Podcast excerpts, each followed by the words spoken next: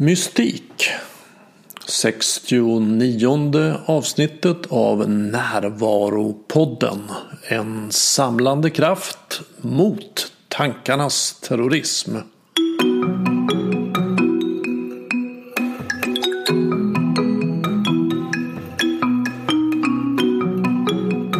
Det här är Bengt Renander och idag pratar jag med Kajsa Ingmarsson om mystik.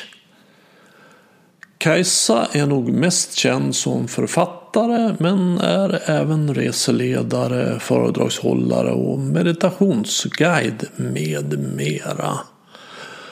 Vi pratar om mystik som något som inkluderar mer än det rationella. Om nyfikenheten på vad det innebär att vara människa. Om ett möte som en levande varelse. Om inspirationens källa, om svårigheten att sätta ord på upplevelser. Om att stänga ögonen och stänga munnen. Om att allt kan vara en gestaltning av vårt innersta om hjältens resa, om vilken historia vi berättar om oss själva för oss själva. Om att möta sina rädslor. Om det femininas visdom i mystiken. Om vetenskap som metod att söka kunskap. Om skillnaden mellan mystik och magi. Om problemet med att tro på sina tankar om att sätta egot i baksätet, om att få en behagligare livsupplevelse, om när det blir tyst inuti och om att vakna upp, städa upp och att växa upp. Här är Kajsa Ingmarsson. Jag eh, är väl kanske för de flesta känd som författare. Jag debuterade som författare 2002. Innan dess hade jag jobbat med tv och radio, mycket i humorsammanhang. Eh, innan dess hade jag arbetat med helt andra saker. Eh, med ryska på olika sätt, bland annat jobbat på Säpo i flera år. Eh, men 2002 så debuterade jag som författare och så skrev jag sju romaner som många har läst. En av dem heter Små citroner gula, den blev film också sen. Eh, och eh, 2013, eller egentligen innan dess, men det var då det syntes, så, så bytte jag bana kan man säga, eh, inriktning på mitt författarskap och började skriva om andra saker. Jag lämnade romanförfattandet och började skriva om eh, den första boken heter Den magiska gnistan och handlar om kreativitet och inspiration. Eh, och den var första delen i en trilogi. Trilogin är kallad Hjärtats väg, andra boken heter Modern mystik och då går jag liksom djupare in i um, funderingarna kring vad, uh, vad är källan egentligen till um, våra upplevelser. Och den avslutades med Hjärtats väg 2015.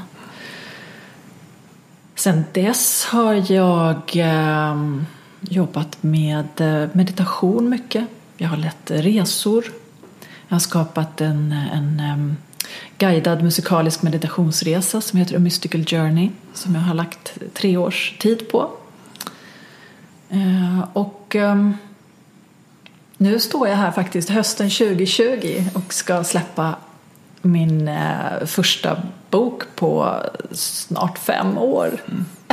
så jag är lite oskuld på nytt faktiskt som författare. Mm. Men i det yttre, det är det jag har gjort, mm. vem jag är. Tja, vi får väl se om vi kan mm. klura någonting på det under samtalet. Ja. Vem är du? Ja, det är väl en, en, det är väl kanske egentligen den frågan som vi kommer att prata om här. Alltså, för kanske mitt allra mest grundläggande intresse är ju just det här. Vad, vad innebär det att vara människa? Mm. Vad, vad är det för någonting? Vill du ha svaret direkt eller? ja, vi, vi, vi, men låt oss, eh, jag, jag tänker mig att det här samtalet på något vis kommer nog att snurra runt den frågan. Ja. Vi får se. Men det är i alla fall en fråga som intresserar mig väldigt mycket. Då måste jag få berätta då för de som lyssnar att när Bengt nu säger att samtalet ska snurra runt här så pekar du inte på dig och mig med en gest utan du pekar med en gest, du använder en gest som inkluderar tomrummet mellan oss. Du gör som en cirkel mellan oss. Eh, det ser inte ni men det såg jag.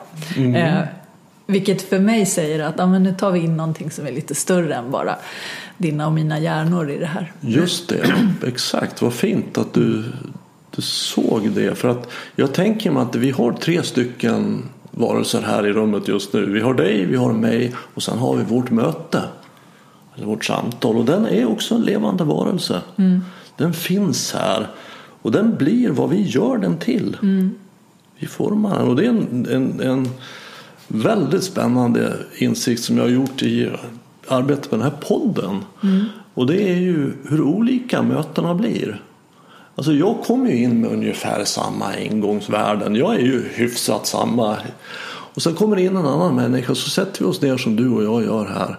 Så skapar vi någonting tillsammans som blir helt unikt. Detta tredje levande. Och det kan man väl säga att det är ganska mystiskt. Verkligen. Om man släpper in ett främmande element ehm, så uppstår en synergieffekt och så skapas någonting. Och det här är ju osynligt. Vi ser ju inte vårt möte. Jag ser dig och jag kan också se mig, i alla fall i spegeln. Men jag ser inte vårt möte. Nej. Men det, det, det är någonting levande här som i väldigt hög grad finns. Som vi nu håller på att skapa. Vi har redan börjat. Och, Jag tror vi kan addera mer än tre faktiskt. ja, Okej, vilka fler vill du lägga till? Nej men jag, eh, jag kan känna att det finns mycket intresserade krafter här runt om som lyssnar på den här. Och dessutom, dessutom är det ju så att eh, lyssnaren, du som lyssnar på det här tillför ju också en energi. Så att det sker ju ytterligare ett möte mellan vårt möte och mötet med lyssnaren. Mhm. Eh, och om vi skulle räkna bara mm, liksom på ena handen, ja men då är vi uppe vid fyra. Men jag skulle nog säga att i, i en, på ett multidimensionellt plan så är vi uppe i betydligt mer. Varje människa möter en ny människa som, ja, och så vidare och så vidare. Allt hänger samman på något sätt. Är det det du tänker? Ehm, ja, så kan man uttrycka det. Vad är, vad är det? Mystik är ju också ett tema som vi, vi båda är intresserade av. Och, och jag är övertygad om att vi har lite olika ingångspunkter. Jag tror vi ser lite olika på det. Vi har många gemensamma beröringspunkter också men det tycker jag bara är spännande. Och vi hittar något som vi ser olika på också. Vad är det som är lockande med det för dig? Mystik? En av böckerna, den andra boken i trilogin hette ju, här var ju mystik i titeln till och med. Modern mystik. Ja. För mig är det inte någonting lockande. Det är inte, en, det är inte någonting som utifrån lockar mig som ett intresse eller en lära eller en teori eller en kurs man kan gå eller någonting jag kan ta till mig utifrån så att säga. För mig är, är mystiken bara ett ord för att uttrycka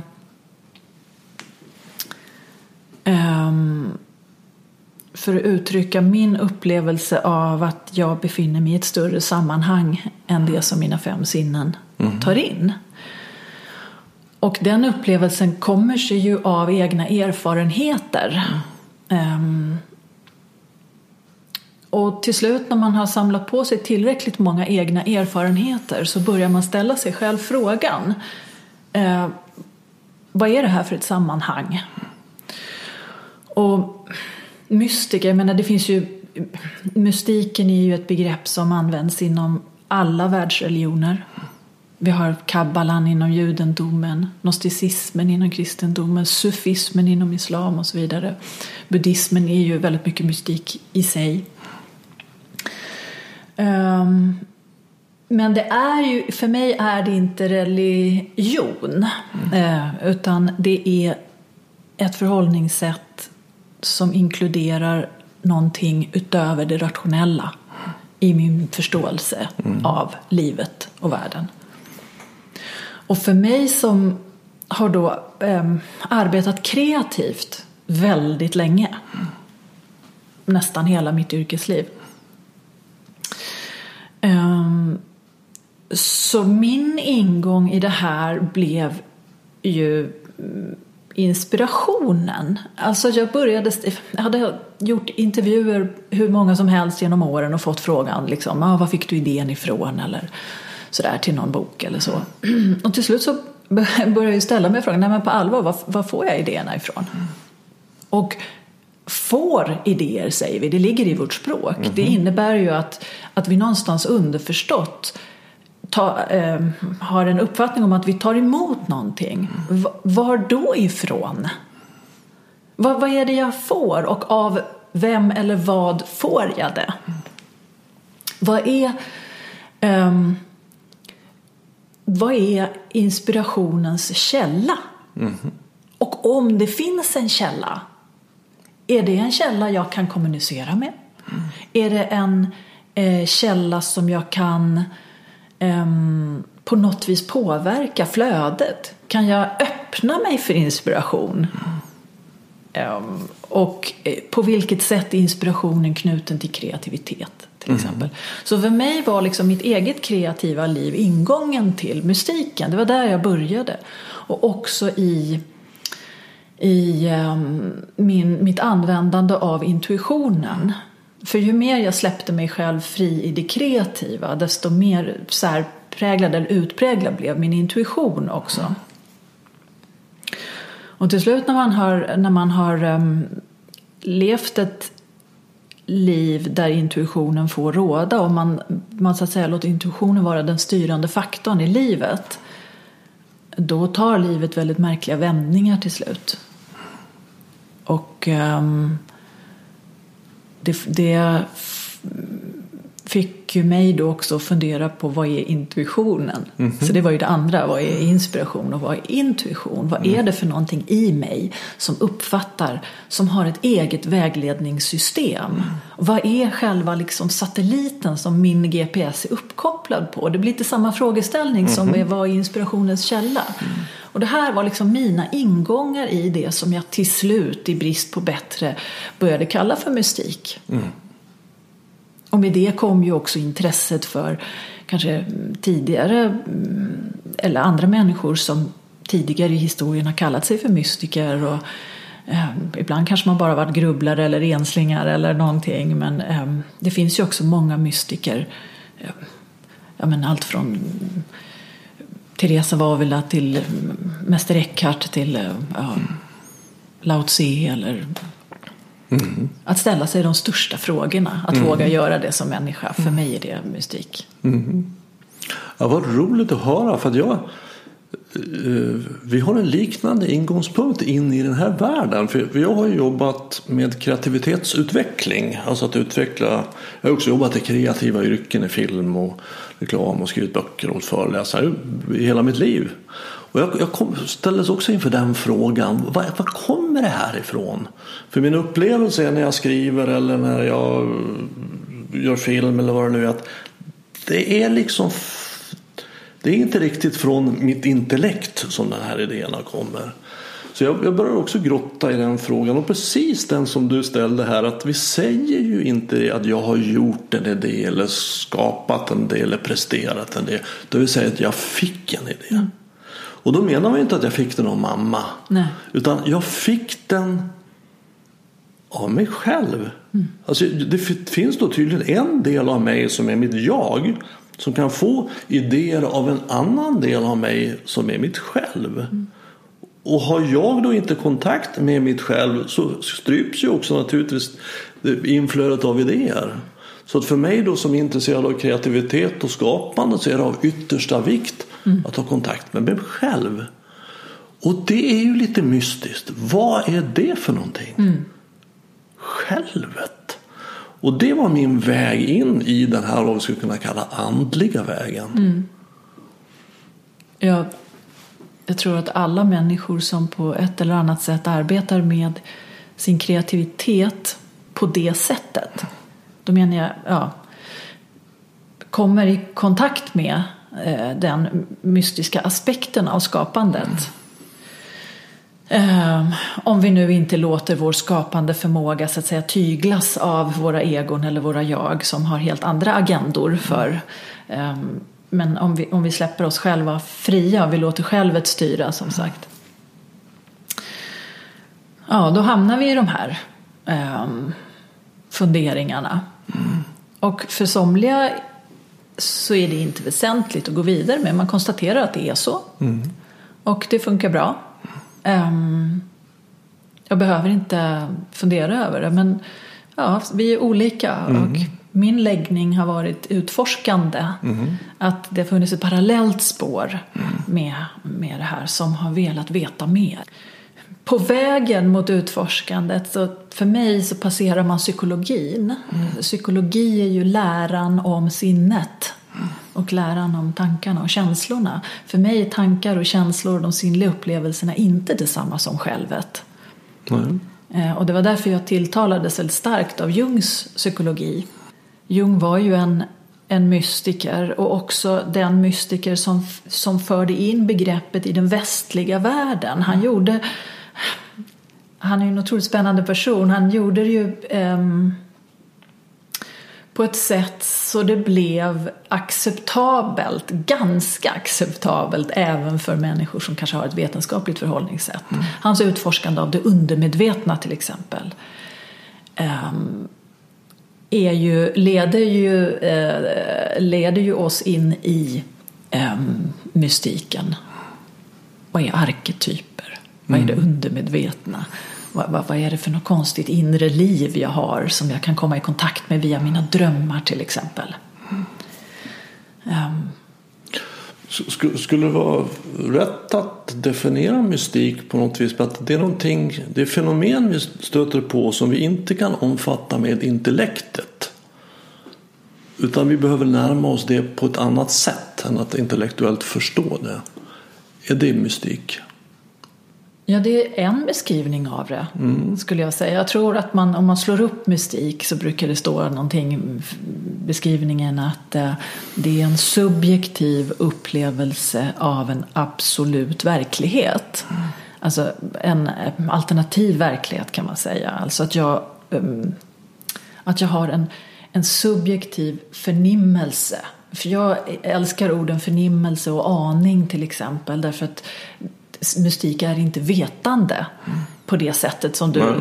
säger att intellektet vill veta mm. och förstå men mystiken kan bara anas och vi mm. kan bara närma oss det som är mystikens källa eller den här större verkligheten. Vi kommer aldrig att kunna omfatta den med våra tankar.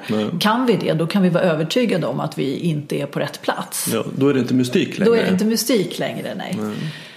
Och det här är ju inte någonting, det, det är ju inte ett förhållningssätt som så att säga, utesluter ett vetenskapligt eh, perspektiv på det. För vi kan ju konstatera att det finns delar av vår hjärna som aktiveras när vi till exempel är i meditation eller i bön eller eh, i kontakt med det där större. Vi har ju fysiska redskap i vår kropp. Vi är utrustade med en förmåga att ha kontakt med eh, en annan verklighet mm. än den sinnliga.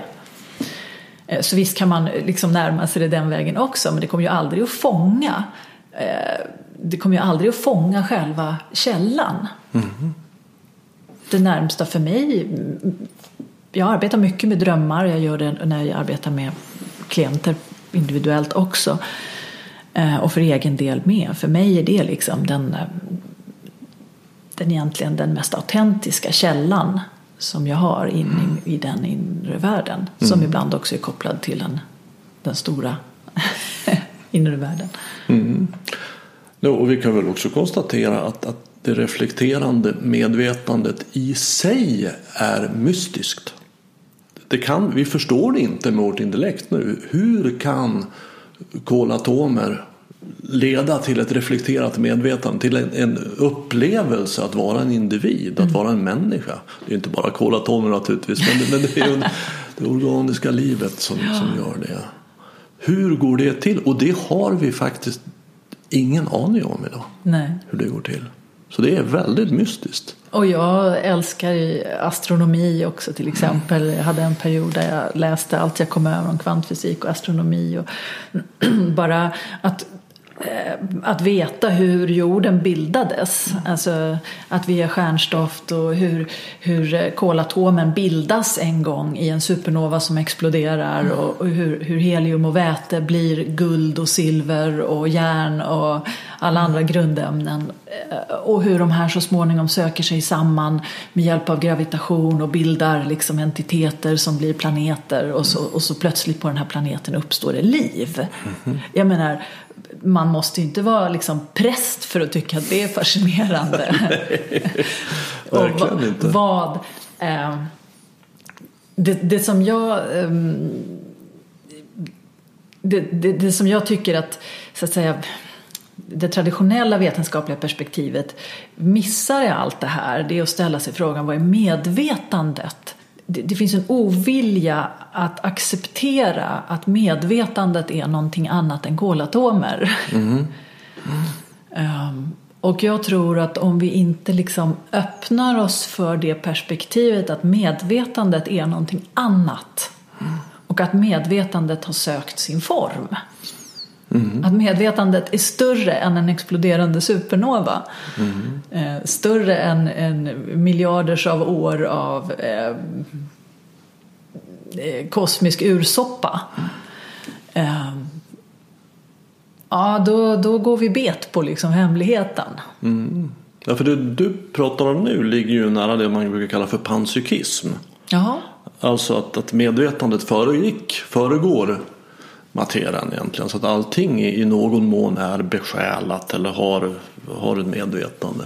Dock inte Panpsykism. Panpsykism, Det ska jag införliva i mitt ja, ordförråd. Ja, det är någonting som... För mig är det en, en, för mig är det en självklarhet mm. att det är medvetandet som tar form. Och då pratar jag inte bara om tar mänsklig form utan att medvetandet är den ursprungliga mm, existensen. Mm. Som inte är en existens då, men i brist på bättre ord. Då.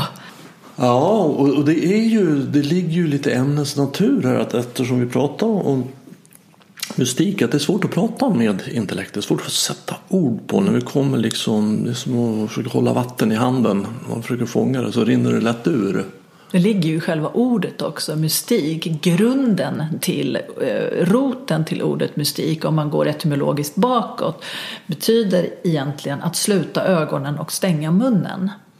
Och det ger oss informationen om att det här är inget du kan se med dina fysiska ögon men det är inte heller någonting du kan formulera med ord. Mm. Så det vi gör nu är helt omöjligt kan jag ju säga. Vi, vi trevar i någonting. Vi mm. försöker att sätta ord på någonting som egentligen inte går att sätta ord på. Men vi gör vad vi kan som människor därför mm. att eh, Därför att vi tycker det är roligt. Ja, det, eh. det är spännande och det är intressant. Mm. Och på sätt och vis kan man ju säga att, att Egentligen är det ju så med alla upplevelser att de är väldigt svåra att sätta ord på. Alltså hur, hur smakar ett äpple? Mm. Att, att, beskriva det, är, det går gärna inte. Och det är Nej. ändå en tämligen enkel upplevelse. Mm. Så att det ligger i upplevelsens natur att den är lite mystisk. Mm. Den är inte riktigt, det går inte riktigt att omfatta med intellektet. Men det här att och sätta ord på vad ett äpple smakar till exempel. Jag, jag tänker då att varför, varför lever vi då? Vad, vad, vad, gör vi här? Ja, men någonstans för att uppleva. Vi är här för att uppleva kan vi säga. Eh, och genom upplevelserna skaffar vi oss erfarenheter. Eh, och erfarenheterna adderas så småningom till någonting som i bästa fall blir visdom. Eh, men när vi försöker sätta ord på vad ett äpple smakar eller vad det innebär att få fatt i en expanderad verklighetskänsla i en meditation eller, eller i en naturupplevelse eller någonting. Det är ju att vi försöker berätta för oss själva vad det är att vara människa. Mm. Så jag tycker att det är väldigt, det är väldigt vackert mm. att vi, vi, vi trevar runt med våra hjärnor och våra intellekt och vårt språk eh, orden eh, och så försöker vi att ringa in vår egen existens, vår egen upplevelse av att vara människor. Det, det finns ju någonting rörande med det, att vi sitter här och försöker. Och vi försöker så dessutom inte bara göra det för oss själva utan vi försöker dessutom att göra det för att nå andra. Det finns en otroligt berörande um, längtan efter att dela detta med varandra. Mhm, verkligen. Jag tror att det är grunden till det som blev religioner. Innan de var religioner. Innan de hade regler och bestämmelser och eh, att bara vissa människor skulle förmedla den här upplevelsen och bla bla bla. Jag är inte förtjust i religioner kan jag säga. Eh, så, så var det människor som samlades för att dela hänförelse och förundran. Att man kanske satt och sjöng tillsammans eh, under den ljusaste natten på året. För att få uppleva den tillsammans. Ja. Ehm, eller att man samlades i, under den mörkaste natten på året. Ehm, eller att man tittar på stjärnhimlen. Vi, vi kan ju se bara när, när någonting händer, när någonting extraordinärt händer. Då kan vi ibland fatta tag i en främling bredvid oss och säga Såg du? Titta! Jag vet att jag gick över Västerbron för ett tag sedan och, och så, så flyger det en örn över.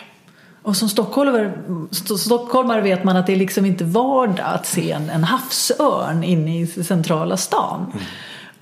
Och jag, blev, jag tittade mig och jag såg den här örnen. Jag fick en jättestark känsla av wow, den här örnen kom liksom in från Gamla stan och flög bort mot Essingeöarna där. Eh, och min första reaktion var att se mig om efter någon att dela detta med. Så starkt är det i oss människor att vilja dela hänförelse och förundran.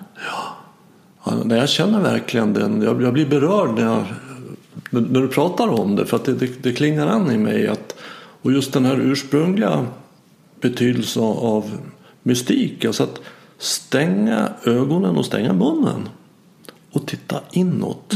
Och uppleva någonting där. Sen öppna ögonen och se dig och så se om vi kan dela det här. Det är en väldigt... Jag, jag ryser när vi säger det här. För det här ringar in. Verkligen, jag blir berörd av det. För det här ringar verkligen in vad jag tror att vi gör här. Mm. Vi är inte här för att göra karriärer eller tjäna pengar eller vad, vi- vad vi nu är. Vi är här för att dela den upplevelsen. Mm. Och för mig, om jag får fortsätta att bre ut mig lite här, så det som hände i upplysningens tidevarv och, det var på många sätt väldigt gott därför att man gjorde uppror mot en kyrka som hade tagit patent på att vara uttolkaren av hänförelse. Och man skapade, religionen skapade syndaren som inte hade funnits innan och så vidare. Det, kyrkan hade blivit ett elände, vilken religion det än var. Men man bestämde sig någonstans med att nej, vi ska inte ha det som rättesnöre. Vi ska, vi ska istället vända oss mot den naturalistiska världen så att säga. Och då, där tog vetenskapen form. Och i början var ju mm, vetenskapsmännen, för det var ju män då, var ju också mystiker. Alltså, man, man hade sin grund i hänförelsen. Men i takt med att det växt, eh, växte så blev det en ny religion av det synsättet. Eh, och vi skaffade vår, oss våra egna överstepräster och prästinnor i, i den religionen som nu har rätten att uttolka verkligheten eller som, som, där vi inte längre får uttolka verkligheten utifrån vår egen upplevelse av den utan att bli misstänkliggjorda eller förklarade som tokiga eller religiösa eller vad det nu är. För mig så har människan, vi är utrustade med en yttre värld och en inre värld. Och vi har sinnen för att ta in den yttre världen. Men vi har också funktioner i oss för att möta den inre världen. Men i takt med att den yttre världen blev så betydelsefull i det här skiftet så, så stängde vi ner. Det blev, det blev också någonting skamligt och någonting märkligt förknippat med att gå inåt, att ha eh, tillgång till den här inre världen. Mm-hmm. Vi blev varelser som bara relaterade utåt plötsligt. Så var det förstås inte därför att vi har alla den här funktionen och det fanns kvar inom oss. Men vi skapade ett samhälle och det är det samhället vi har levt i de senaste hundratals åren. eh, som faktiskt har stängt oss ute från våra egna inre upplevelser. Det har blivit skamligt och märkligt att ha inre upplevelser. Mm. Och med det har människan blivit väldigt fattig. Och vi har skapat en värld som är bizarr och absurd i sin eh, avskurenhet från den inre världen. Mm. Jag, jag, kopplar an det till någonting som jag ofta brukar prata om, det är inte jag som hittar på det, men att det finns ju två domäner som avgör hur vi människor har det och hur lyckliga vi är. Och det är den yttre världen, hur vi har det och den inre, hur vi tar det. Och det fokuset som vi idag har på hur vi har det. Alltså när vi ska bli, må bättre så ska vi ändra hur vi har det. Och det knyter an till det du pratar om, den yttre världen. Vi lever bara i en yttre värld, det är den som ska förändras. Om jag får ett nytt jobb eller en ny lägenhet eller mer pengar, eller vad det är, då ska det bli bättre. Och vi tittar väldigt sällan inåt hur vi tar det. Mm. Alltså vad händer i mig när det händer här ute? Och där finns en enorm potential.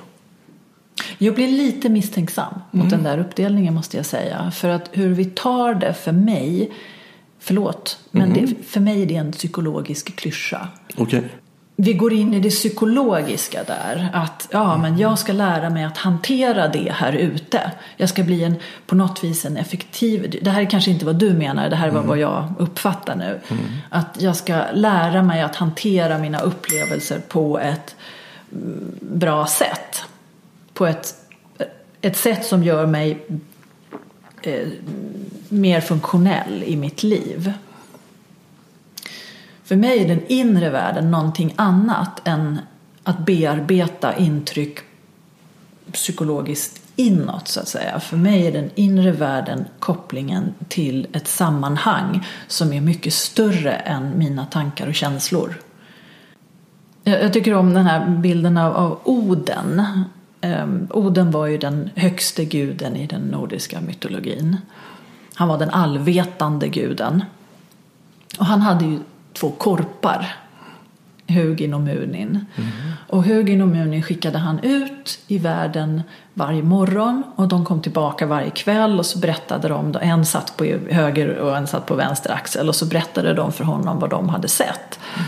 Och Hugin och Munin, de orden kommer från, från eh, hågen och minnet och de representerar eh, den inre och den yttre världen. Alltså den ena observerade världen, vad som, vad som, hur det ser ut där ute och den andra betraktade världen ur ett inifrån perspektiv. Jag vet inte om jag gör mig förstådd här nu, men, eller om du överhuvudtaget förstår varför jag lite vänder mig mot det här med att ta det. Mm. Som för mig inte riktigt har med mystiken att göra. Jag, förstår att, att vad du vill säga, att vi har en inre värld. Ehm, men att den är, den är större än att den bara är till för att lära oss hantera den yttre världen. Mm. Ah, Okej, okay, någon är taskig mot mig. Ah, men jag kan välja om jag ska bli arg eller ledsen över det. Det är ett jätteviktigt redskap att kunna det. För mig hör det hemma i psykologin och mm. det är någonting som är viktigt och bra. Jag uppmuntrar alla människor att gå i terapi eller prata, alltså lära känna sitt psyke. Men mystiken är någonting mer. Mm. Jag kopplade an det till den historiebeskrivning som du gjorde om att eh, upplysningen gav oss ett fokus på det yttre. Mm. mm. Och, eh, och det inre som tidigare haft en större betydelse ja, dess betydelse minskade.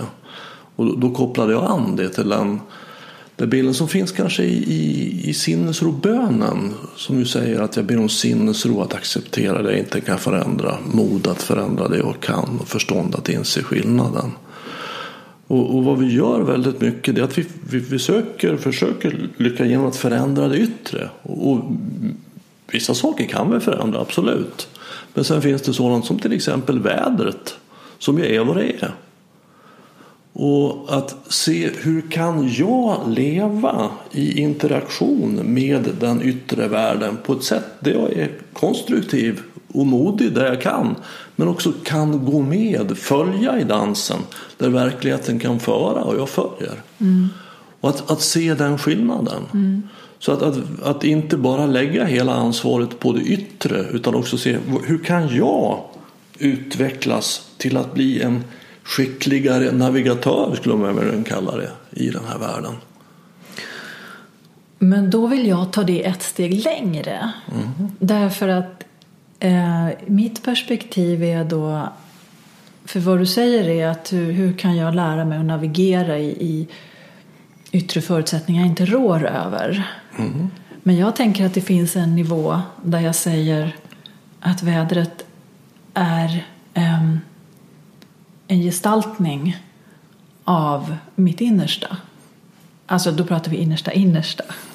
Att jag skapar världen utifrån mitt själv.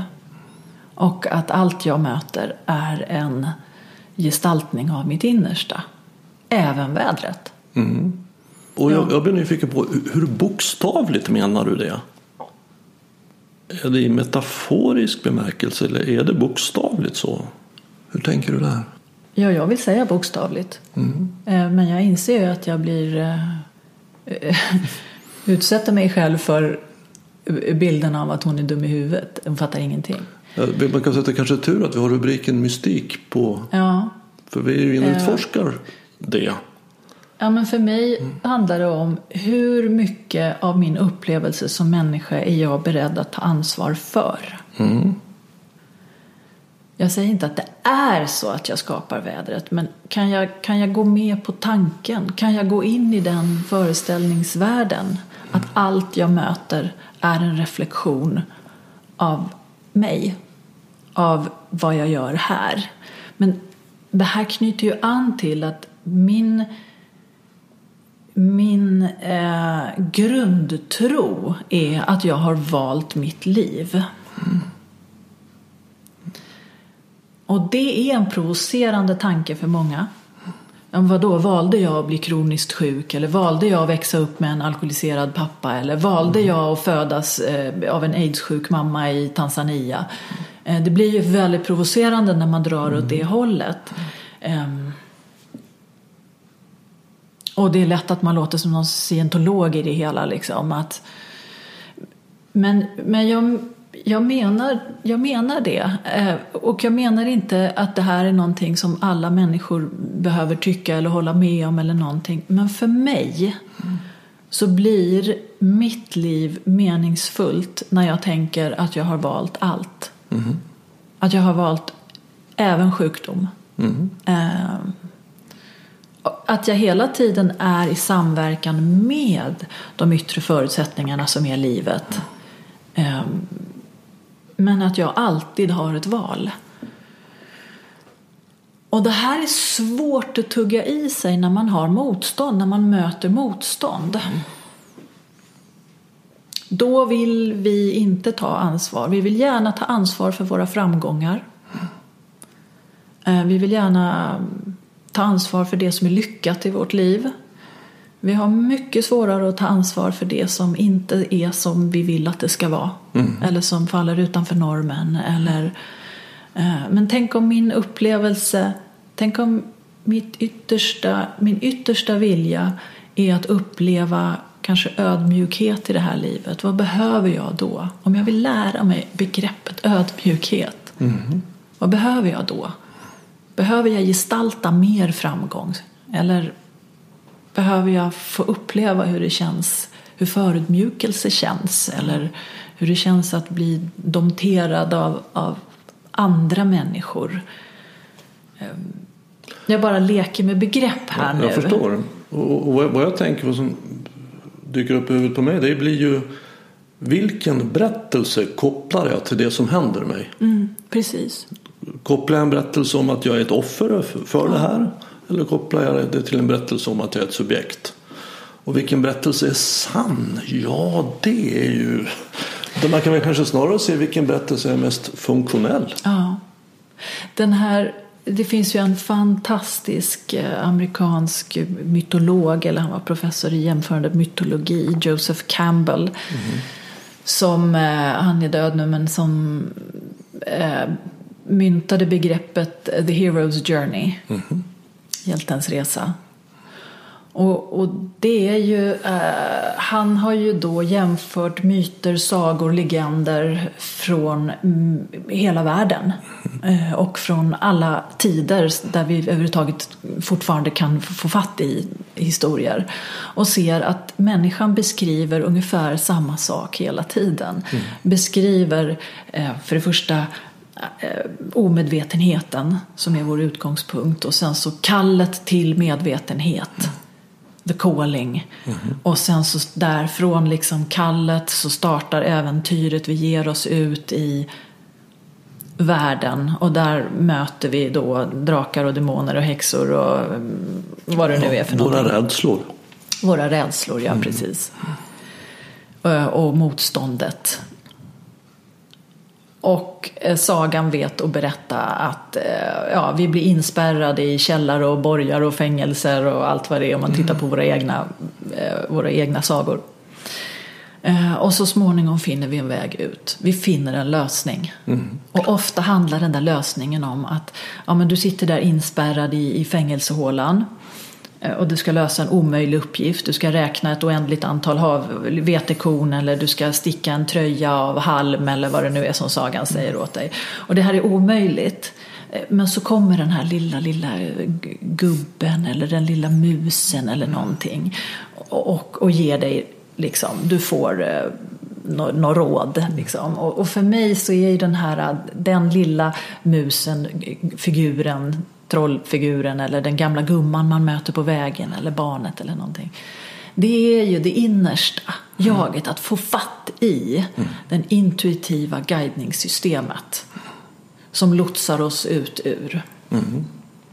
Jag, jag tänker att väldigt många människor som jag möter inte minst vill komma åt det som mystiken lovar. Mm. Alltså föreningen med eh, en gudomlig princip. Jag vill få uppleva storheten mm.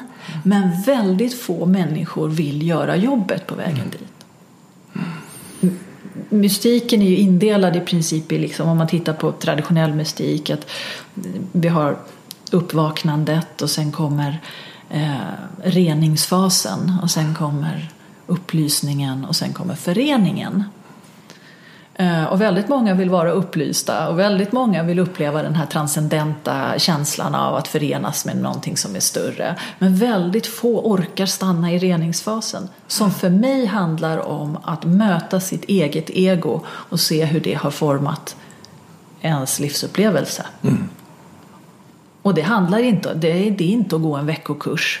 Det är inte eh, liksom att eh, Alltså, reningsprocessen, det är sånt skitjobb. Mm. Det är ju det sagorna berättar om. Det är att slåss med drakar och det är någonting man gör hela livet. Jag ska bara formulera det i tre meningar kan man säga att det handlar om att vakna upp, städa upp och växa upp. Ja, precis. Och det är Joseph Campbell skriver ju om det att, att om The Hero with a thousand faces. Alltså att det är samma berättelse över hela världen. Och vad den i grunden handlar om är en sorts instruktion i hur man blir sig själv. Den man sant är. Ja. För man är så förvirrad. Alltså hjälten i början här vet inte vem han egentligen är. Utan han tror på det här intellektet, på sitt ego. Och sen får då genom att möta sina rädslor så tvättas det fram hans sanna natur. Ja. Det var Otroligt fascinerande och så fascinerande att den vetskapen har funnits i mm. mänskligheten alltid. Mm. Jag, jag, möter ju många människor som är i uppvaknandefasen. Och jag kan ju också se att det finns en i det här uppvaknandet, du får fatt i någonting, du får känslan av att det finns någonting som är större eller mer eller så. Och där, det är lite som att få en trailer. Det är lite som att se trailern på en film. Du får alla godbitarna. Du kanske upplever att du får en väldigt stark guidning eller att du upplever synkroniciteter som känns väldigt positiva. Du kanske får andliga upplevelser som fyller dig. Och väldigt många tänker Wow, jag har hittat, nu är jag framme.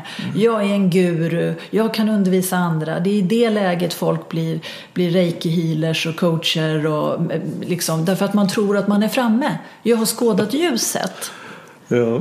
Eh, Medan i själva verket har resan inte ens börjat. Och jag Jo, den har börjat. Ja, den har börjat. Ja. Ja. tack för att du rättade det. Men, men eh, du, har, du har inte ens börjat nosa på jobbet du har att göra med dig själv. Städa upp fasen. Städa upp fasen. Det här pratar jag verkligen av egen erfarenhet också. Vad är din erfarenhet då? Att städa upp fasen är eh, ganska vidrig bitvis. Därför att du är tvungen att möta ditt absolut sämsta jag och du är tvungen att möta dina absolut största rädslor. Ehm, och ehm, jag tror å andra sidan att när man har varit där i de största rädslorna så får man en, en klangbotten, en resonans som gör att andra människor intuitivt känner att du vet vad du talar om. Eh, och det skapar en, en tillit som vi inte kan köpa för pengar. Vi kan inte gå kurser. Vi kan inte ha diplom på väggen som får människor att lita på oss på det sättet. Utan det är någonting vi intuitivt förnimmer. Det är ju... Ibland har vi turen att möta människor som vi får en, en eh, omedelbar tillit till.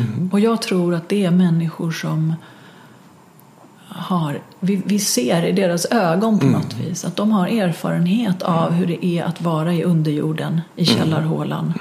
Och de har också hittat vägen ut. Inte så att de kommer ut och är redo att berätta för andra hur det ska göras utan redo att finnas där och kanske hålla i din hand när du själv utforskar vad det, eh, hur din väg ut ser ut. Och det kopplar ju an till intuition. För intuition i min värld det är att veta utan att veta hur man vet. Och det är någonting som är väldigt evolutionärt gynnat. Alltså vi, vi, att känna in det har ju varit verkligen överlevnadsfaktor. Är det här en farlig person? Är det här någon jag ska lita på?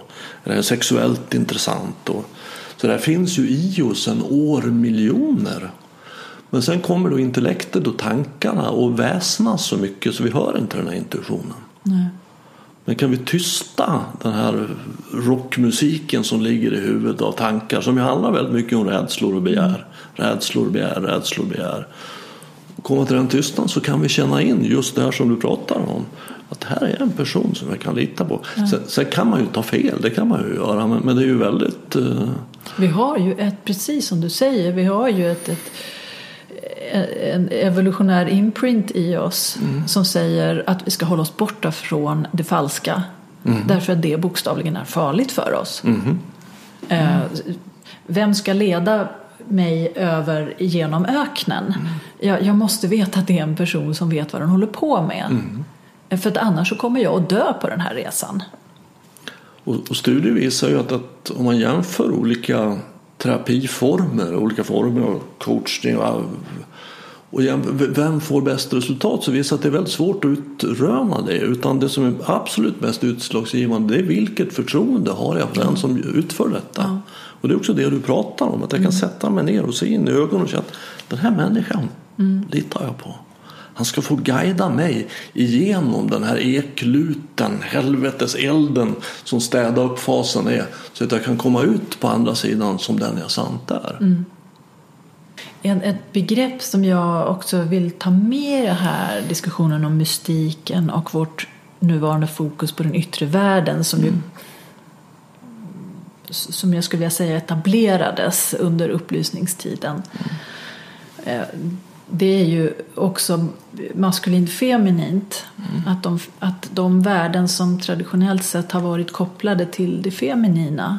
Det vill säga förmågan att ehm, röra sig i mörker, att lyssna till det outtalade och kopplingen till eh, kroppsliga signaler. Det här som vi pratar om nu, den här intuitionen som ju faktiskt finns förankrad i vår biologi också. Alltså vi kan känna det som rysningar av välbehag när, när någonting är sant. Som nyss när jag sa att Åh, jag, jag känner av det här. Eller jag kan känna det som en, en, ett motstånd, någonting reser, sig, reser ragg inom mig när, när det inte är sant. Liksom. Ehm, det är kopplat till kroppen och kroppen är kopplad till det feminina. Inte till man, kvinna nu utan maskulint feminint. Och Vi lever ju i en tid eh, där vi konsekvent förnekar värdet av det feminina. Och det hänger ihop med den här upplysningstidens ehm, ensidiga fokus på det yttre. Den yttre verkligheten. Och på intellekt och, Och på intellekt, för, ja. förståelse. Tanke. Ja. Ehm, Så för mig är mystiken också mm, det femininas vetenskap. Och jag förstår varför det är väldigt många kvinnor som, ehm, som söker sig till andlig, andliga sfärer därför att vi har varit hemlösa väldigt länge. Eh, Och, och idag kanske man eh, tänker att man vill hålla på med yoga eller meditation. Eller det är ju verkligen mest kvinnor som gör det. Jag tror att det uttrycker en längtan tillbaka till eh, ett annat värderingssystem. Där man ger sig själv tid att lyssna inåt. Att, att lyssna på den, den korpen som rapporterar det inre läget istället. Mm, jo, jag märker det också när jag, när jag jobbar med par att, att det, är, det är inte ovanligt att man kanske i synnerhet som kvinna har upplevelsen av att när jag ska berätta hur jag upplever det som sker i relationen så möter jag ett, ett intellektuellt logiskt resonemang som hackar upp det här i små bitar. Och jag är liksom maktlös. Jag förlorar hela tiden. Trots att det, det jag säger är sant och riktigt och värdefullt. Och det Men- där tycker jag är en, en otroligt bra bild, det du säger nu, om man hackar upp det. Att, att ehm, mystiken och det feminina sättet att betrakta världen är ju en helhetssyn. Det vill säga, jag uppfattar en helhet. Medan vi lever i en fragmentisering där vi hela tiden talar om små delar och duttar liksom. Och, och det it doesn't make sense i slutändan. Och precis som du säger, du sitter med ett par där. Men hon har en känsla och den är sann. Men tittar man på delarna så blir det inte sant längre. Det är svårt att göra logik av dem. Ja. Och jag tror att vi liksom vi behöver ju båda de delarna, det är de här två korparna liksom. Vi behöver kunna zooma ut i, i den eh, högra hjärnhalvan.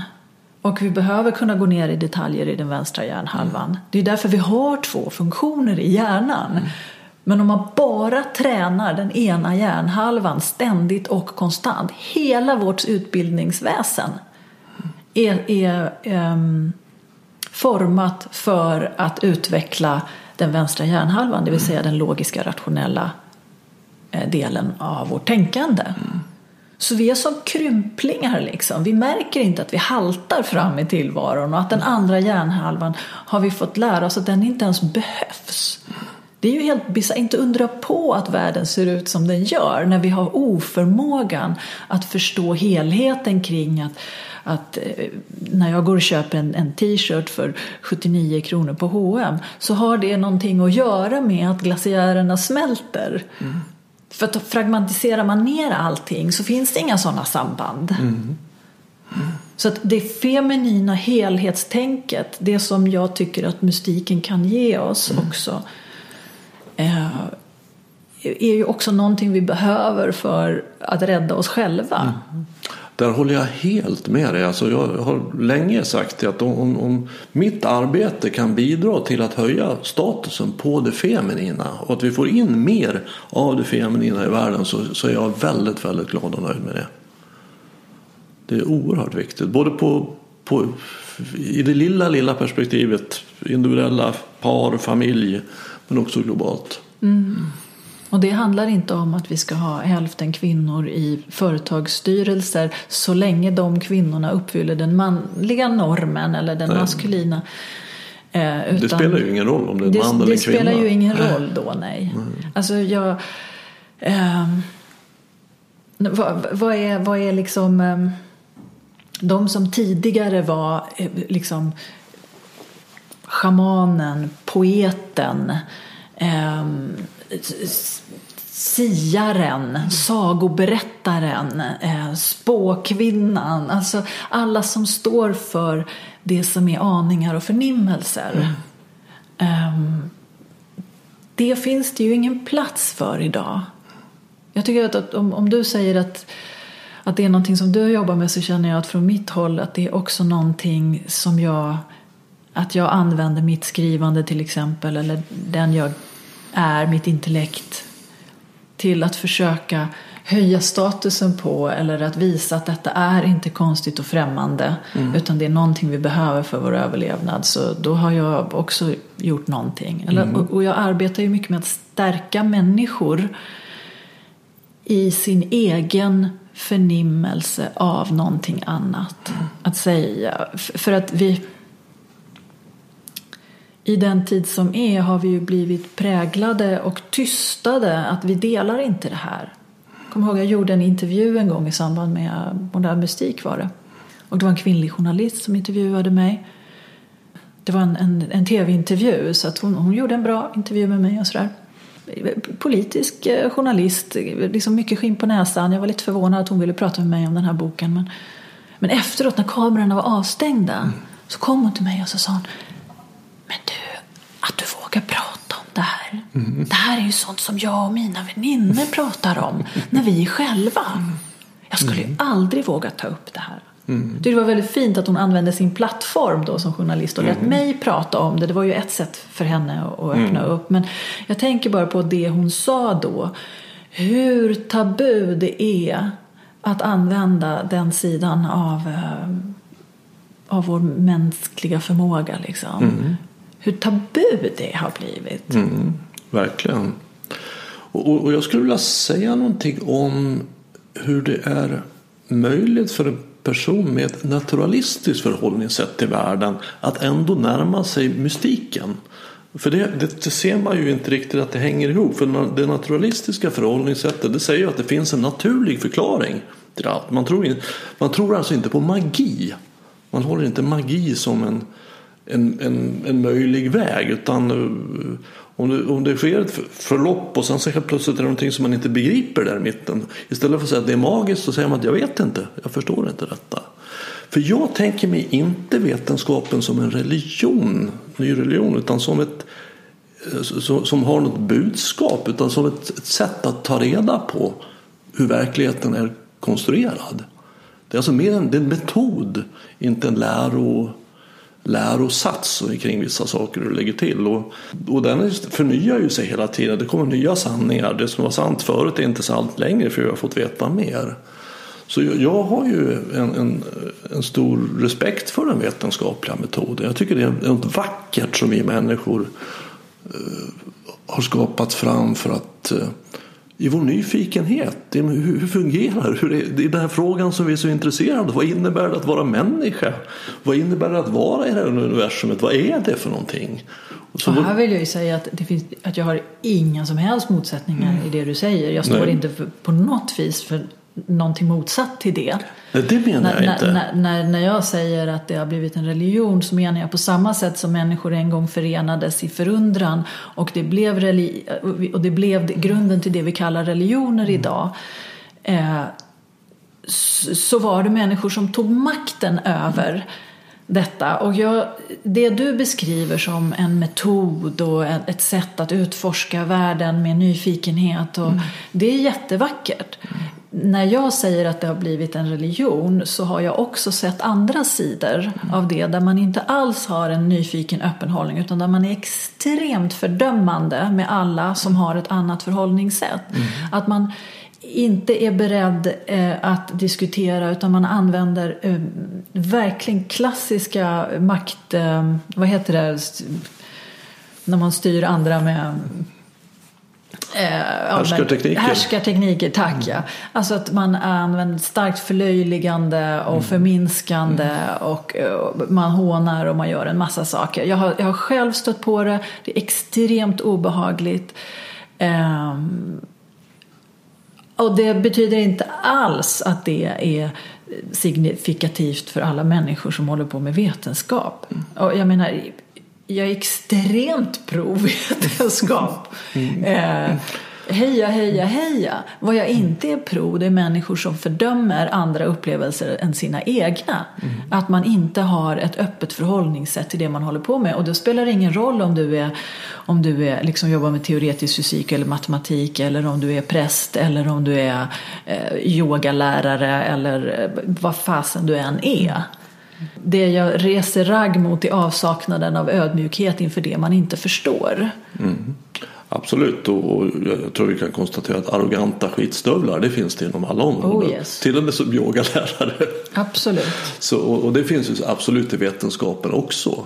Men då har man ju tappat det som är själva grunden för den vetenskapliga synsättet. Nämligen att ha den nyfikna nybörjarens blick. Mm. Att vara öppen. Mm. För att när jag är sluten och säger att det här är sanningen, då är det inte vetenskap längre. Mm. Utan då är, har jag hittat en dogm, mm. en sanning. Utan det, det, är snarare så att vetenskapliga grundprincipen är hur kan jag hitta vad kan jag hitta för fel på det här? Hur kan, hur kan jag undersöka så att bevisa att det här inte är sant? Det, och det är ju en helt annan inställning att hålla på att försvara en massa sanningar. Så att, det, det, skulle jag säga är en avart som du möter. Och, och, och jag är egentligen Men en inte... väldigt högljudd avart. Det är det säkert. Mycket Avarter brukar högljudd. vara det. Ja. ja. Jag menar, du kan ju lyssna till ta någon gäng kvantfysiker från något kaliforniskt universitet liksom, som uttrycker en, en, en extrem förundran över det de inte förstår. Mm. Som är, de använder ett språk som ligger nära poesin när de ska förklara olika begrepp inom kvantfysiken där man absolut inte förstår vad, egentligen vad det är. Vad är spöklik sammanlänkning? Vad är entangling? Vad är vad det nu är liksom? Mm. Um, där man har det här eh, väldigt öppna förhållningssättet. Mm. Och jag,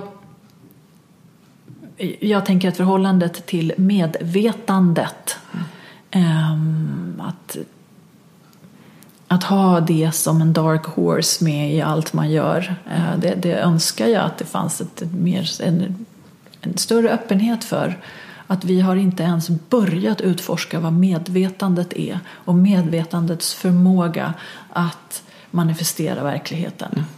Men vad jag menade, vad jag skulle säga var egentligen inte alls att jag ville argumentera emot dig. Eller att, utan mer säga att, att det är möjligt för en människa att, att ha ett naturalistiskt förhållningssätt. Men att öppna för det mystiska. Det finns inget motsatsförhållande där.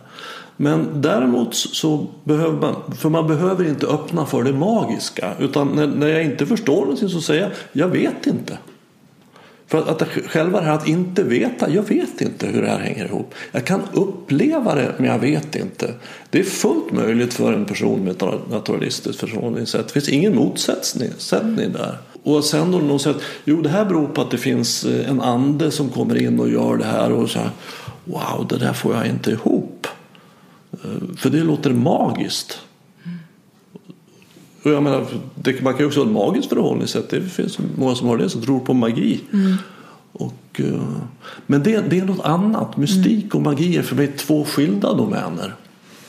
Där naturvetenskapen är materians vetenskap och psykologin är sinnets så är mystiken själens vetenskap. Mm. Alltså de som har gått djupt in genom historien i mystiken.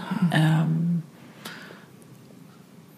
Då försöker man förstå själens hemvist och koppling till det större. Man försöker förstå vad Gud är. Man försöker förstå vad en Guds upplevelse är för någonting. Och den kan bara utforskas ur en egen upplevelse av en Guds upplevelse. Det är ju mystiken. Mm. Och då använder jag ordet gudsupplevelse inte i bem religiös bemärkelse utan i bemärkelsen, alltså att jag använder ordet Gud som en beteckning för någonting okänt. Ja, och något större än mig. Någonting större än mig. Mm. Som jag samtidigt är en del av. Mm. Um, så för mig är det mystiken. Mm. Utforskandet av en, um, en större verklighet. Mm. Och det häftiga med den är just det subjektiva. Mm. Jag kan aldrig berätta för någon som inte själv har en upplevelse av någonting större.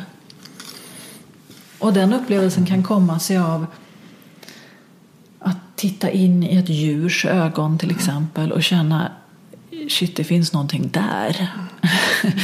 Mm. Eller um, i en förundransupplevelse av naturen. Eller i att få ett budskap i en dröm. Jag menar, jag själv har haft drömmar där jag har fått med mig budskap ut där jag rimligen inte själv har varit med och styrt. Jag har skrivit ner saker som är liksom profetiska eller så stora att jag inte kan omfatta det med att detta kommer inte ur mig. Det här är inte min hjärna som har skrapat ihop lite dagsrester av upplevelser, skakat om och pytsat ut en dröm. Det här är någonting annat. Um, det är ju det subjektiva. Mm. Och bara om du har en erfarenhet av det så kan vi tala om det. så att säga. Ja, lite på samma sätt som att om du också har ätit ett äpple ja, så precis. är det väldigt mycket lättare för mig att förklara hur äpplet men, och sen så behöver man ju också vara väldigt uppmärksam. Väldigt uppmärksam och klar tycker jag på den här vägen. För det är ju fullt möjligt för oss människor att uppleva saker som överhuvudtaget inte är sanna. Ja. Eller sanna, vad betyder sanna då? Det är sant att jag har upplevelsen ja. men, men den har ingen referens i nej, verkligheten nej. utanför. Jag kan vara jätterädd för någonting som inte är farligt. Mm. Så det är fullt möjligt. Så man behöver också vara uppmärksam, mm. varsam mm. på den här vägen. För det är lätt att gå vilse. Ja, det, jag är intresserad av sekter också, hur sekter växer fram och hur man kapitaliserar på mm. det här på ett sätt som är väldigt cyniskt och mm. i egot. Och mm. Man behöver vara vaken när man navigerar i de här områdena. Och jag kan säga att det här inbyggda, inbyggda vaksamheten vi har mot det falska mm. att den sortens falska profeter som agerar ur egot mm. väcker otroligt starka reaktioner i mig. Mm. Ehm, det känns direkt. Jag kan känna, jag kan känna liksom en atom som är eh, en smak av någonting som är inte friskt. Mm. Och som lärare själv måste jag ju hela tiden vara varse på det här i mig själv. Mm. Jag måste ransaka mig själv och ifrågasätta mig själv hela tiden. För mm. också jag går ju fel i detta. Också mitt bekräftelsebehov. Mm. Att vilja vara någon som blir lyssnad till eller beundrad eller som säljer. Eller, alltså, det är inte så att jag är egobefriad direkt, tvärtom. Jag har ju mm. liksom ett gigantiskt ego som jag släpper runt på. Som jag hela, det är väl förstås därför som jag har eh, liksom funnit mystiken som så givande. Mm. Därför att det här är en motvikt till den människa jag är eh, och som jag mm. ständigt behöver föra en, en diskussion med. Och, och, och, målet med den diskussionen är ju på något vis, alltså om man pratar om den här mystika vägen, upplysningen som ju låter väldigt pretentiöst därför att en upplyst människa är någonting som vi har en bild av. Men för mig är upplysningen detsamma som medvetenhet. Att jag är medveten om eh, att jag består av flera lager. Jag brukar prata om min människa istället för det finns folk som pratar om liksom min själ men jag vänder på det och så pratar jag om min människa vilket har gjort det mycket lättare för mig att hantera egot när jag säger att ah, men min människa just nu hon är väldigt sugen på bekräftelse. Mm. Eh, då kan jag liksom omsluta henne i någonting som är större och, och se att ja, men jag förstår det för att eh, det har varit viktigt för henne när hon var liten att få uppmuntran eller det, liksom, du vet. Mm. Eller just nu är min människa väldigt rädd i den här situationen. Det har gjort att jag liksom har kunnat bli lite mer förälder till mig själv. Eh, det är ett sätt att för ego kommer ingen av oss ifrån. Nej, verkligen inte. Upplysning handlar inte om att vara egobefriad mm. utan om att känna sitt ego. Mm. Och, och, kunna göra just det här som du pekar på, att jag desidentifierar mig med det. Jag har den människan i mig, eller egot eller vad nu är det. Men jag är det inte. Det är någonting som finns i mig, som jag har och som är en del i att vara människa. Men jag är inte så identifierad med det. Nej. Så jag är inte mina tankar och känslor och då öppnas ju en frihet. För då är inte rädslan längre en bestämmande faktor i mitt liv. Nej. Jag tror att vi alla, hur mycket vi än har jobbat med oss, upplever att man hamnar i situationer där vi är våra tankar i alla fall. Men Ja. där är ju, har man då jobbat med sig själv på olika sätt så är det, har jag förmågan att skapa den där desidentifikationen, så att säga. Har jag redskap i min verktygslåda som gör att jag kan, jag kan känna att nu har jag förlorat mig själv i en konflikt eller i en rädsla eller i en bekräftelsebehov eller någonting. Kan jag liksom öppna min väska och plocka fram ett redskap så att jag kan skapa det där. Aha, är det den delen i mig som är aktiv nu? Eller är det det här? Ja, det är det här komplexet som är aktiverat just nu. Ja. Och så kan man liksom ta sig själv i famnen lite grann. Och det skulle jag säga, det är själva kärnan i den coachning som jag arbetar med. För jag tappar bort mig själv varje dag. Varje dag. Men jag ska ju säga att, att jag brukar se det som att det är, en, det är en väg att gå det här. Det är inte ett mål att nå utan det är en väg att gå att kunna vara medveten och närvarande, vara här. Men det är en smal väg. Jädrar vad lätt det är att snubbla och trilla i diket. Jajamensan. Och när man är i diket då är man ju fast i sitt ego, identifierad med det, fast i tankevärlden, rädsla, begär, fruktan, ångest. Men om man nu har tränat det här och lärt sig några verktyg så kommer man på fortare att hmm, problemet är inte det jag trodde att det var. Nej. Utan problemet är att jag tror på mina tankar. Och då kan jag gå upp igen på vägen och gå på den smala vägen tills jag snubblar och trillar ner igen. Och, men med åren, det är i alla fall min erfarenhet. Jag sk- skulle kunna säga att jag gått den här vägen i 20 år. Och kanske första året hade en sekund på vägen och 23 timmar, 59 minuter och 59 sekunder i diket. Men så har tiden ökat där jag får vara på vägen och minskat det i diket. Och det är ju en jädra skillnad på att vara sur i tre minuter och i tre timmar. Det är en jädra skillnad. Eller tre år. Ja, eller tre år. Orolig. Alla de här smärtsamma känslorna som huvudsakligen är tankegenererande. Jag kallar det för eh, i den första boken i det här som jag, som jag skrev, eh, Drömliv. Eh, så uttryckte vi det som att, att sätta själen i förarsätet. Att ja men okej, då får egot sitta där bak med, med någon eh, liten padda och leka i baksätet liksom. Men att det är jag som styr farkosten. Ehm, det blir en väldigt, väldigt vinglig resa när egot kör. Som du säger, de här eh, proportion. För mig är upplysningsfasen inom mystiken, det som jag kallar för medvetandet, det är när jag glider över på 51-49. Alltså att jag är mer på vägen än av vägen.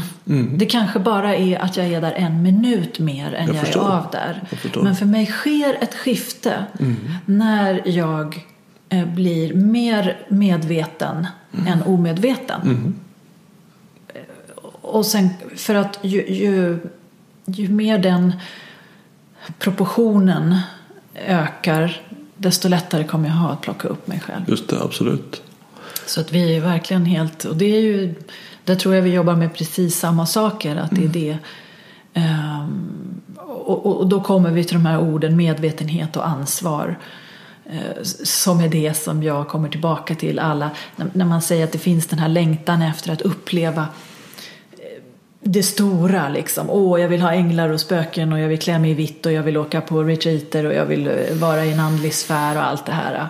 Eh, man vill göra den här klassiska spiritual bypassing. Det vill säga du vill in i allt det ljusa men du vill inte gå igenom ekluten.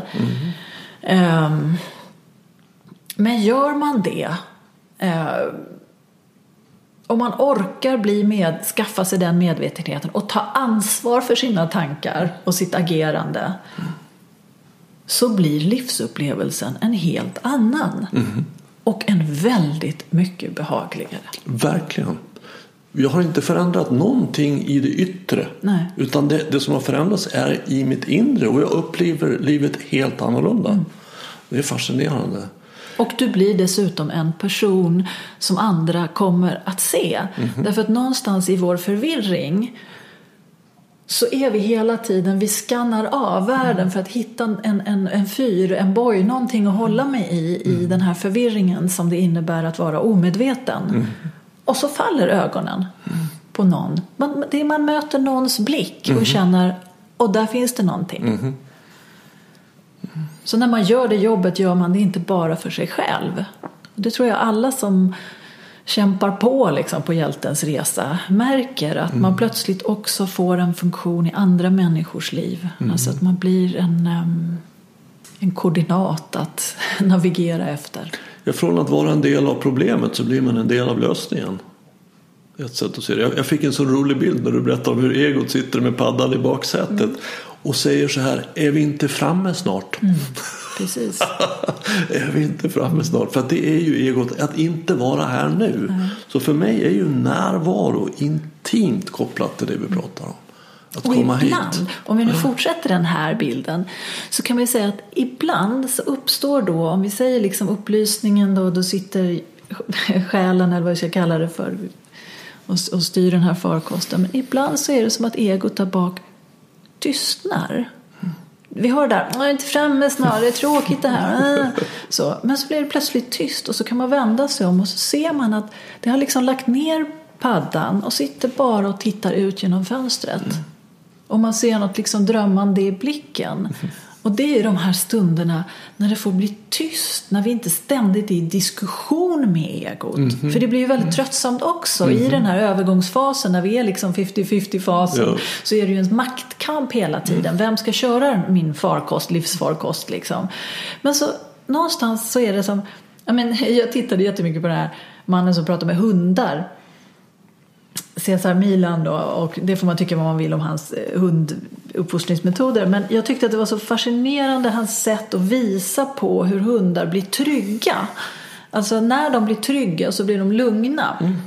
Och jag tänker att det är så med våra egon, att egot också till slut lugnar sig. Okej, jag måste inte hela tiden, jaha det finns någon annan som kör. Men det tar ju tid att komma dit. Men när egot också får vila stundvis. Vi, Absolut. och titta ut och vara närvarande i vad är det jag ser här utanför. Och liksom, jag måste inte alltid uttrycka min åsikt. Eller, Därför ska man sammanfatta egots känsloliv i ett ord så är det ju rädsla. ja, Det är rädsla och det är rädslan som drar bort oss ifrån självet kallar jag det. Jag pratar inte om själen. Men det är att ta själ och så lägga till ett V så har vi Nej, men själ. självet är det ord jag också använder. Det är ju Jungs terminologi. Ja. Ja. Wow. Spännande samtal. Ja, verkligen. Ja, det känns som att vi har rört oss runt, runt i, Ja, här i de här områdena som vi ville göra. Ja. Stort tack för att du kom hit. tack för att jag fick komma.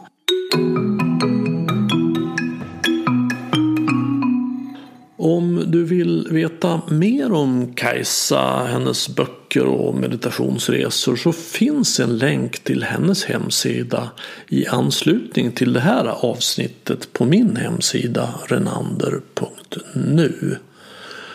Jag gör den här podden för att sprida kunskap om hur medvetenhet och närvaro kan hjälpa oss att sluta terrorisera oss själva och andra med tankar.